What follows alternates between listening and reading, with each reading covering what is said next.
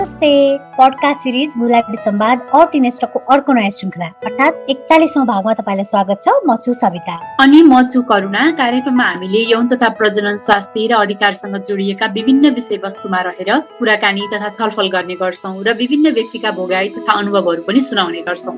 र यौन तथा प्रजनन स्वास्थ्य र अधिकारको विषय चाहिँ एकदमै बृहत छ। यसभित्र रहेर हामीले कुराकानी गर्नुपर्ने धेरै विषयहरू छन्। अब कतिपय विषयका बारेमा त हामी जानकारसम्म पनि छैनौँ कि। यस्तो पनि हुन्छ र भन्ने सोचाइ धेरैजनाको अझै पनि कायमै छ। त्यही त सविता अब तिमीले यसो भनिरहँदा नि मलाई चाहिँ यौन तथा प्रजनन स्वास्थ्यसँग जोडिएर आउने बडी सेभिङको विषयमा नै कुरा गरौँ कि भन्ने सोचेको कि जस्तै कि किशोर अवस्थामा प्रवेश गर्दै गर्दा वा गरिसकेपछि धेरैमा चाहिँ शारीरिक मानसिक र भावनात्मक परिवर्तनहरू भइरहेका हुन्छन्। परिवर्तनका कारण कतिले भने बडी सेभिङ अर्थात् शरीरको बनोट आकारलाई लिएर गरिने दुर्व्यवहारको सामना गरिरहनु पर्ने हुन्छ कि। हो नि। करुणा र यस्तै अनुभव चाहिँ हामीलाई केही युवा तथा किशोर किशोरी साथीले हामीसँग सेयर गर्नुभएको छ कि? कसरी उहाँहरूलाई बडी सेमिङ गरियो भनेर बरु उहाँहरूकै अनुभव सुनौ न त उहाँहरूकै आवाजमा।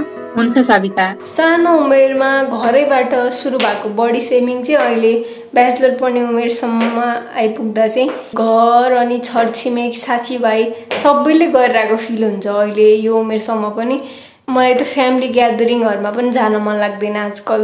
जहिले पनि किन यति पातलो किन नमोटाएको खाँदैनौ कि क्या हो? खाने बेलामा बाहिर निकाल्छन् कि क्या हो भन्छन्। कस्तो नराम्रो लाग्छ। त्यसले चाहिँ मलाई एकदम एन्जाइटी हुन्छ। अझै चाहिँ त्यो कुराहरूले चाहिँ मान्छेहरूलाई भेट्नै डर लाग्छ। दुवै किसिमको विभेद भोगेँ एउटा मोटोपनको एउटा पातलोपनको। सानोमा चाहिँ म एकदमै पातलो थिएँ। त्यति बेला घर समाज आफन्त सबैले यसलाई खान दिँदैनन् कि क्या हो घरमा? कुपोषण भएको छ कि क्या हो यसलाई? भन्ने किसिमका कुराहरू गर्थे। ठुलो हावा हुन्डरी चल्दाखेरि तँलाई उडाउँछ भन्ने किसिमका कुरा गर्थे। पछि म बिस्तारै मोटाएँ अहिले ती मान्छेहरूले मोटोपनको मजाक पनि उडाइरहेका हुन्छन्। ए त त गर्भवती छस् कि के हो? कति महिनाको बच्चा भयो भन्ने खालका कुराहरू गर्छन्। दुःख लाग्छ। सानोमा पनि एक किसिमको विभेद बोकेँ अहिले ठुलो भएर पनि यस्तो किसिमको भोगिरहेको छु। मेरो एक्सपिरियन्सको कुरा गर्दाखेरि त्यो झस्काइरहन्छ क्या त्यो कुराले। अनुभव सुनाउनु पर्दाखेरि चाहिँ नौ दस वर्षको उमेरमै बडी वाइज चाहिँ मेरोमा धेरै चेन्जेसहरू देखेको थियो। जस्तो कि म अलिक अहिलेको तुलनामा चाहिँ त्यो बेलामा चाहिँ अलिक धेरै नै एक्कासी मोटाएको थियो। मेरो गालाहरू पनि एकदम ठुलो ठुलो अनि रातो रातो हुन्थ्यो होइन? पिरियड छिटो हुन लाग्यो कि अब के हुन्छ थाहा छैन। तर त्यसको पनि केही त्योसँग कनेक्सन चाहिँ होला। म नौ वर्षमै म चाहिँ पिरियड भएको। त्यतिखेर म सायद टु थ्री क्लासमा पढ्दै थिएँ।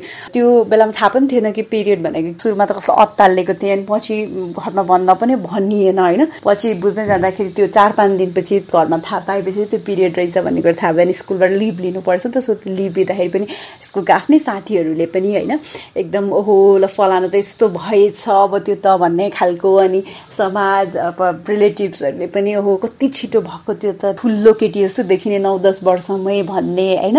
अब यस्तै हुँदै गयो भने यो यस्तै खालको मोटो हुँदै गयो भने त कस्तो हुन्छ होला पछि भन्ने खालको। अनि त्यतिखेर चाहिँ त्यो मेरो ब्रेस्टहरू पनि एकदम ठुलो ठुलो मतलब अलिक छिटै ठुलो ठुलो भएको मेरो साथीहरूको तुलनामा जस्तो लाग्थ्यो। अनि ए ल यस्तो भयो फलानाको चाहिँ त कस्तो छिटो ठुलो भएको यताउता भनेर चाहिँ पोजिटिभ वेमा इन पोजिटिभ वेमा चाहिँ कसैले पनि त्यो मेरो चेन्जेसहरूलाई चाहिँ एक्सेप्ट गरेन क्या त्यसले गर्दाखेरि चाहिँ म म आफै पनि आफ्नो चेन्जेसहरूलाई चाहिँ एडप्ट गरिरहेको थिइनँ गर्न सकिरहेको थिइनँ क्या? नुहाउँदा पनि हुन्छ नि त काकाहरू दाईहरू टाइपको मान्छेहरूले चाहिँ अलि अर्कै खालको गरी हेर्ने होइन? अझ यसरी नुहाउनु हुँदैन अब त्यस्तो गर्नुपर्छ भन्ने खालको ज्ञान बुद्धि बाँड्ने जस्तो अनि टिचरहरूले पनि अलि अर्कै खालको हेरे जस्तो लाग्ने होइन। एकदम नराम्रो लाग्थ्यो। ला किन यस्तो भएको होला भन्ने खालको लाग्थ्यो। नमस्ते म निर्जला थापा र म अहिले सिक्सटिन इयरको भएँ। म जब म क्लास टेनमा पढ्दै थिएँ त्यतिखेर म पातलो पातलै थिएँ र मलाई साथीहरूले हड्डी सुकुटी च्याखुरी भनेर बोलाउँथे। र घरमा पनि मलाई तिम्रो अनुहार त खाँदाखेरि पनि बाहिर निकालेको जस्तो छ त। सानै उमेरबाट किन डाइटिङ सुरु गरेको जस्तो कुराहरू सुनिरहनु पर्थ्यो। र यस्तो कुरा मैले कन्टिन्युसली सुनिराख्ने भएर होला। मैले कहिले नि जहिले नै आफूमा केही कमी छ है जस्तो लाग्थ्यो। म एकदमै इन्सेक्योर थिएँ आफ्नो बडीलाई लिएर र यही इन्सेक्युरिटीले गर्दा म टाइट लुगाहरू लगाउन छोडिदिइसकेको थिएँ। म बाहिर कतै जानु पऱ्यो भने म ओभरसाइज लुगामा जान्थेँ। र ओभरसाइज लुगामा जाँदाखेरि पनि मलाई तिमी त बासमा लुगा लगाइदिएको जस्तो छौ भन्ने कुराहरू सुन्थेँ र यस्तो कुराहरू सुनिरहँदाखेरि चाहिँ मलाई कस्तो किन भनिदिएको होला? नबोलिकन बस्न नै सक्थेँ नि। नबोल्दे नै हुन्थ्यो। यसरी झनक्क रिस जस्तो हुन्थ्यो। र बिस्तारै बिस्तारै म अलिअलि मोटाउँदै गएँ। र फेरि मोटाउँदै जाँदाखेरि मलाई हड्डीबाट बलुन बलुन भनेर बोलाउन थालियो। र घरमा पनि फेरि सबैजनाले डाइटिङ गर तिमी त कस्तो फ्यात्त परेको देखेको। तिमी त राम्री देखिएनौ भन्ने यस्तो कुराहरू सुनिन्थ्यो सबैले बारम्बार यही कुरा भन्न थाल्नुभयो फेरि। अनि यतिसम्म त ठिकै थियो। एक दिन म साथीहरू सबै फिमेल साथीहरूसँगै बसिरहँदाखेरि एकजना फिमेल टिचरै आएर मलाई भन्नुभयो सक्छौ भने मिल्छ भने अलिकति सर्ट लुज बनाएर आउन है। कस्तो टाइट देखियो तिम्रो सर्ट त। सबैजनाको आँखा त्यतै जान्छ भनेर सबैको अगाडि भनिदिनु भयो र त्यस दिनबाट मलाई स्कुल जान नि मन लाग्दैन थियो र साथीहरूले कतै बाहिर जाऊँ भन्दाखेरि पनि म म किन जाने? म त राम्री नै छैन। म गएर के हुने हो र जस्तो लाग्थ्यो। अनि फोटो खिचौँ भन्दाखेरि पनि म सधैँ फोटो खिचिदिन्थेँ। कहिले पनि आफ्नो फोटो खिच्न नि मन लाग्दैन थियो। र आफूले आफूलाई हेर्दाखेरि सधैँ ममा केही कुराको कमी छ केही कुरा बढी छ जस्तो लाग्थ्यो। म सधैँ आफ्नो जिउलाई हेर्दाखेरि म केही न केही खोट खोजिरहन्थेँ म केही कुराको कमी खोजिरहन्थेँ केही कुरा खराब खोजिरहन्थेँ म आफ्नै जिउमा। मलाई आफू राम्री नै लाग्दैन थियो। र पछि फेरि मैले रियलाइज गर्दै गएँ कि म त पातलो हुँदाखेरि पनि मान्छेले मेरो बडीलाई लिएर केही न केही कमेन्ट पास गरिरहेको थिएँ र अहिले म मोटाउँदाखेरि पनि बोलि नै रहेका छन् भनेर।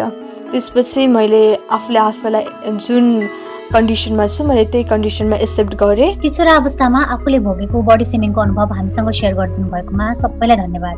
र करुणा उहाँहरूको कुरा सुनेपछि के मलाई मैले एकजना चिनेको बहिनीको याद आयो कि? उनी अहिले किशोरावस्थामै छिन् र किशोरावस्थामा प्रवेश गर्दै गर्दा उनको तौल चाहिँ एकदमै धेरै बढ्यो। अनि त्यही कारणले गर्दा उनलाई साथीहरूले जिस्काउने मोटी हात्ती जस्तो विभिन्न नराम्रो उपनामहरू दिने र अझ साथी बन्न पनि नखोज्ने जस्तो गर्ने कि? अनि यो कुराले चाहिँ उसलाई एकदमै नराम्रो लाग्छ भनेर सुनाएकी थिइन् कि? त्यो त एकदमै लाग्छ सविता। अब मेरै पनि महिनावारी भएपछि तौल एकदमै धेरै बढेको थियो। अनि म मोटाएको देखेर मेरो साथीहरूले भन्दा पनि छरछिमेकीले आफन्तीहरूले चाहिँ अब यो यसरी नै मोटाउँदै गयो भने यसको बिहा हुन नि गाह्रो हुन्छ भन्ने। अनि खानेकुरा खाएको देखे पनि खाएरै मोटाएको धेरै खाइस् भन्ने जस्ता चाहिँ कुराहरू गर्नुहुन्थ्यो कि।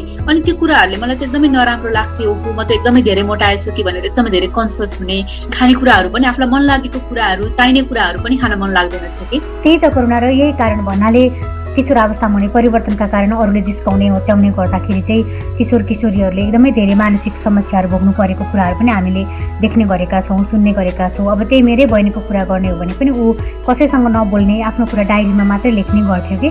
यो कुराले गर्दाखेरि चाहिँ उनीहरूको मानसिक स्वास्थ्यमा के कस्तो असर गर्छ भनेर हामीले मनोविद करुणा कुँवरसँग पनि कुराकानी गरेका छौँ नि। बरु अहिलेको लागि चाहिँ उहाँसँगै गरेको कुरा सुनाउ न त।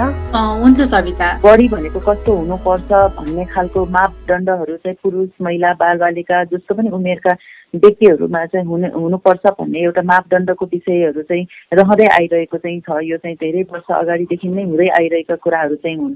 सामाजिक र सांस्कृतिक परिभाषाहरूले पनि हरेक ठाउँ ठाउँ अनुसार चाहिँ शरीरको बनावट कस्तो हुनुपर्छ शरीर कति तौलको हुनुपर्छ कति उचाइको हुनुपर्छ कुन कुन बडीको साइजहरू कस्तो हुनुपर्छ भन्नेहरू चाहिँ उल्लेखित हुने गर्दछ। विश्वभरि नै देखिएको मापदण्डमा चाहिँ प्राय जस्तो महिलाहरू भने पछाडि अलिकति युवा युवतीको उमेरमा चाहिँ दुब्लो पातलो हुनुपर्ने हाइट हुनुपर्ने जस्ता कुराहरू चाहिँ देखिन्छ कमनली होइन? र जुन जुन मापदण्डहरू चाहिँ निर्धारित बुझेका हुन्छन् व्यक्तिहरूमा त्योभन्दा फरक खालको शरीरको उचाइ अथवा शरीरको तौल अथवा शरीरको सेपहरू देख्ने बित्तिकै चाहिँ आफूले र अरूले चाहिँ कस्तो विश्वास बनाएका हुन्छ भने त्यस्तो खालको शरीरको बनावट चाहिँ हुनु हुँदैन भन्ने खालको विश्वासले गर्दाखेरि चाहिँ आफूले पनि र अरूले पनि शरीरको चाहिँ ट्रेनिङहरू गर्न चाहिँ पुग्ने हुन्छ। सामाजिक सांस्कृतिक जुन विश्वासहरू आफूले लिएको हुँदाखेरि चाहिँ कहिले काहीँ अरू व्यक्तिहरूले गर्ने बाटो त छँदै नै छ तर आफैले पनि गर्न पुगिरहेको चाहिँ हुन्छ। र यो दुइटै कुराको म उदाहरण दिन्छु। अरू व्यक्तिहरूबाट हुने बडी सेमिङका कारणले गर्दाखेरि चाहिँ उसको आत्मबलहरू कमजोर हुने बाहिर जान मन नलाग्ने सामाजिक रूपमा आफू प्रस्तुत हुन नसक्ने हरेक कुरामा चाहिँ अरूले केही भन्छ कि भन्ने खालको मनमा चाहिँ डरहरू उत्पन्न भइराख्ने लगायत चाहिँ समाजले कहिले काहीँ चाहिँ बढीकै सेमिङ गराइकन चाहिँ ती व्यक्तिहरू चाहिँ कतिपय अवस्थामा चाहिँ जस्तै विवाहको लागि या आदि इत्यादिको लागि उचित छैन भन्ने खालको चाहिँ जजमेन्ट गर्नेहरू पनि पाइन्छ। सो यसरी चाहिँ हानि नोक्सानी चाहिँ एउटा व्यक्तिलाई पुग्न गएको हुन्छ भने यस्तै विश्वासहरू चाहिँ आफूले लिन पुगेको खण्डमा चाहिँ खानाहरू चाहिँ असाध्यै कम खाने दुब्लाउँदै जाने र निकै दुब्लाउँदै जाने क्रममा चाहिँ हड्डी र छाला मात्र हुने जसलाई चाहिँ अङ्ग्रेजीमा यो डायग्नोसिसमा एनोरोक्सिया नर्भसा पनि भन्ने गरिन्छ। यस्ता खालका समस्याहरू अथवा बडीको विषयलाई लिएर चाहिँ आफूले आफैमा चाहिँ दिक्क लाग्ने मन चाहिँ आत्तिने ऐना हेर्न मन नलाग्ने र सुन्दरताको परिभाषाहरूमा चाहिँ आफू नपर्ने जस्ता कुराहरू चाहिँ उसले महसुस गर्न थाल्ने हुन्छ। त्यसमा पनि एकदम आत्मबलहरू कमजोर हुने र आत्मबलको कमजोरी हुँदै जाने क्रममा चाहिँ बडी सेमिङकै कारणले गर्दा अन्य कुराहरूमा पनि उसको कुनै पनि मन नलाग्ने र प्रगति गर्न इच्छा नै नहुने पनि हुने गर्दछ। त्यसकारण बडी सेमिङ भन्ने पछाडि चाहे अरूले गरोस् अथवा आफैले गरोस् त्यसमा चाहिँ दुवै पक्षबाट हेर्दाखेरि चाहिँ त्यसले चाहिँ हानि नोक्सानी नै पुर्याएको चाहिँ देखिन्छ। जस्तै बडी सेमिङको बारेमा चाहिँ हाम्रो सोसाइटीमा अझै पनि छलफल हुँदैन। कसैले चाहिँ अब मैले मायाले भनेको अथवा जिस्काएर मात्रै त भनेको हो नि। भनेर चाहिँ जानिदो अथवा नजानिदो पारामा चाहिँ बडी सेमिङहरू भइरहेका हुन्छन्। यसरी यो हामी हामीमा हुने छलफलको अभावमा पनि यस्ता घटनाहरू दोहोरिन चाहिँ कतिको भूमिका खेल्ला? अवश्य पनि। जस्तै अहिले त झन् धेरै जस्तो व्यक्तिहरूले भेट्ने बित्तिकै गोली चालीको भाषामा पनि तिमी मोटाएको या दुब्लाएको भन्ने चलन चाहिँ कमनली पाइन्छ होइन? सायद उसको तौल उति नै किन नहोस् कि मोटो भन्नु पर्यो कि दुब्लो भन्नु पर्यो भनिरहेको अवस्था चाहिँ हुन सक्छ तर त्यही कुरा चाहिँ कतिपय व्यक्तिहरूको लागि चाहिँ असाध्यै असहज र अप्ठ्यारो अनुभूति पनि भइरहेको हुन सक्छ वास्तवमा चाहिँ तपाईँले अहिले ल्याउनु भएको प्रसङ्ग चाहिँ एकदम महत्त्वपूर्ण लाग्यो भने यो बडी सेमिङले चाहिँ कति व्यक्तिहरूलाई चाहिँ असर गर्दछ उसको मानसिक स्थितिलाई नै गहिरो रूपमा छाप पार्दछ उसको भित्र मनको होइन आवाजहरू पनि यो आफूले आफूलाई गर्ने सेमिङ हुन पुग्दछ भन्ने कुराहरू बुझ्ने हो भनेदेखि चाहिँ कसैले पनि कसैको पनि बडीको बारेमा चाहिँ कुरा गर्नु हुँदैन भन्ने बारेमाको बुझाइहरू हुनुपर्छ जस्तो मलाई चाहिँ लाग्छ र त्यस्तै चाहिँ एउटा अर्को व्यक्तिलाई पर्न सक्ने असरहरूलाई न्यूनीकरण गर्न सकिन्छ भन्ने कुराहरू बुझ्नु चाहिँ अत्यन्त जरुरी छ। भेट्ने कुनै नै व्यक्तिको शरीरको बारेमा भन्नुभन्दा पनि अन्य कुराहरूबाट बोलीचाली सुरुवात गर्न सकिन्छ भन्ने कुराहरूको बुझाइ बिस्तारै बिस्तार हुन्छ र त्यसले सहजता पनि ल्याउन सकिन्छ जस्तो लाग्छ। वास्तवमा शरीरको बनावटको बारेमा कुरा गर्नु भनेको प्राकृतिक रूपमा बनावट जुन भइरहेको हुन्छ र उसको दैनिक जीवनमा उसले खानपिन कस्तो गर्छ र उसको बनावट कसरी हुँदै गएको छ भन्ने कुरा चाहिँ वास्तवमा त्यो व्यक्तिलाई बाहेक अरू कसैलाई पनि जानकारी हुने कुरा भएन। त्यसैले उसको शरीरको बनावटको बारेमा खिची उडाउनु भन्नु उसलाई चाहिँ अप्ठ्यारो महसुस गराउनु भनेको चाहिँ ती व्यक्तिलाई चाहिँ भावनात्मक रूपमा र मानसिक रूपमा चाहिँ निकै ठुलो क्षति पुर्याउनु पनि हो भन्ने कुराको बुझाइ चाहिँ लिन जरुरी छ। सो त्यही भएर चाहिँ बडी सेमिङलाई एकदमैसँग बुझ्नुपर्ने अभिभावक आफूले नै आफ्नो बडीको बारेमा नै बुझ्नु हो र यस्ता सेमिङले चाहिँ होलिस्टिक निर्माण हुनुपर्ने चाहिँ नि मानसिक शारीरिक सामाजिक रूपमा उसको जुन ग्रोथ हुनुपर्ने त्यसमा रोक लाग्दैन भन्ने कुराको बुझाइ लिनु पनि जरुरी चाहिँ हुन्छ। बडी सेमिङ अर्थात् शारीरिक बनावटको कारणले गर्दा भोग्नुपर्ने मानसिक र शारीरिक समस्याको बारेमा जानकारी गराइदिनु भएकोमा मनोविद करुणा कुमारलाई धेरै धेरै धन्यवाद। उहाँले भन्नुभयो जस्तै अरूको शारीरिक बनावट हाउभाउ बोल्ने शैली आदिलाई जिस्काउने गिज्याउने मानसिक अथवा शारीरिक यातना दिने यी सबै कामहरू गैर कानुनी काम हो। हामीले जानेर वा नजानेर आफ्नो साथीलाई आफ्ना बालबालिकालाई उनीहरूको शारीरिक बनोटलाई लिएर गरिने सेमिङले चाहिँ दीर्घकालीन असरसम्म पनि गर्न सक्छ। उनीहरूको कन्फिडेन्ट लेभल त कम हुन्छ नै। आफ्नै शारीरिक बनोट अनि आफ्ना शरीरका अङ्गहरूप्रति उनीहरूको दृष्टिकोण पनि परिवर्तन हुन्छ। जसले गर्दा उनीहरूलाई सधैँ नै आफ्नो शरीर चाहिँ नराम्रो छ अथवा मेरो शरीरमा चाहिँ यो खोट छ भन्ने कुरा चाहिँ लागिरहन्छ। त्यसैले कसैलाई पनि उसको शारीरिक बनावटको आधारमा जिस्काउने गिजाउने काम नगरौँ भन्दै आजको लागि पडकास्ट सिरिज गुलाबी सम्वाद अ टिन स्टकको एकचालिसौँ श्रृङ्खलाबाट विदा माग्ने बेला भइसकेको छ। विदा माग्नु अघि कार्यक्रम सुन्दै गर्नुभएका तपाईँलाई नै सोध्न मन लाग्यो। किशोर अवस्थामा प्रवेश गर्दै गर्दा र गरिसकेपछि शरीरमा आउने परिवर्तनले लिएर गरिने बडी सेमिङको बारेमा आज हामीले गरेको छलफल तथा कुराकानी तपाईँलाई कस्तो लाग्यो?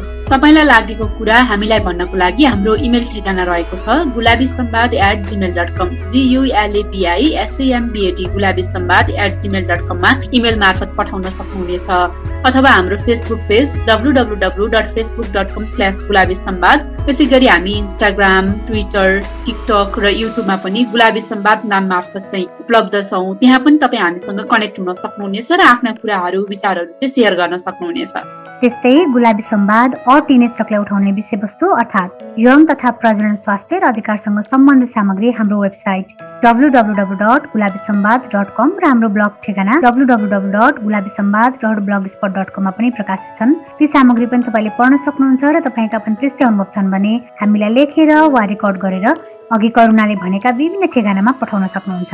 र तपाईँले हाम्रो यस पडकास्ट श्रृङ्खला गुलाबी सम्वाद अटिन stock anchor dot FM A N C H O R anchor dot एफएममा गएर गुलाबी सम्वाद तिन टक सर्च गरेर पनि सुन्न सक्नुहुनेछ।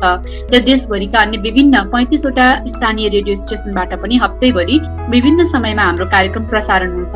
तपाईँले अहिले कुन रेडियो या कुन चाहिँ अनलाइन प्लेटफर्म मार्फत हामीलाई सुन्दै हुनुहुन्छ भनेर जानकारी गराउन नभुल्नुहोला भन्दै आजका लागि पडकास्ट सिरिज गुलाबी संवाद अ टिनेस्टकको एकचालिसौँ श्रृङ्खलाबाट सविता र करुणा विदा माग्छौ। नमस्ते। अर्को श्रृङ्खलामा पुनः भेट्नेछौँ।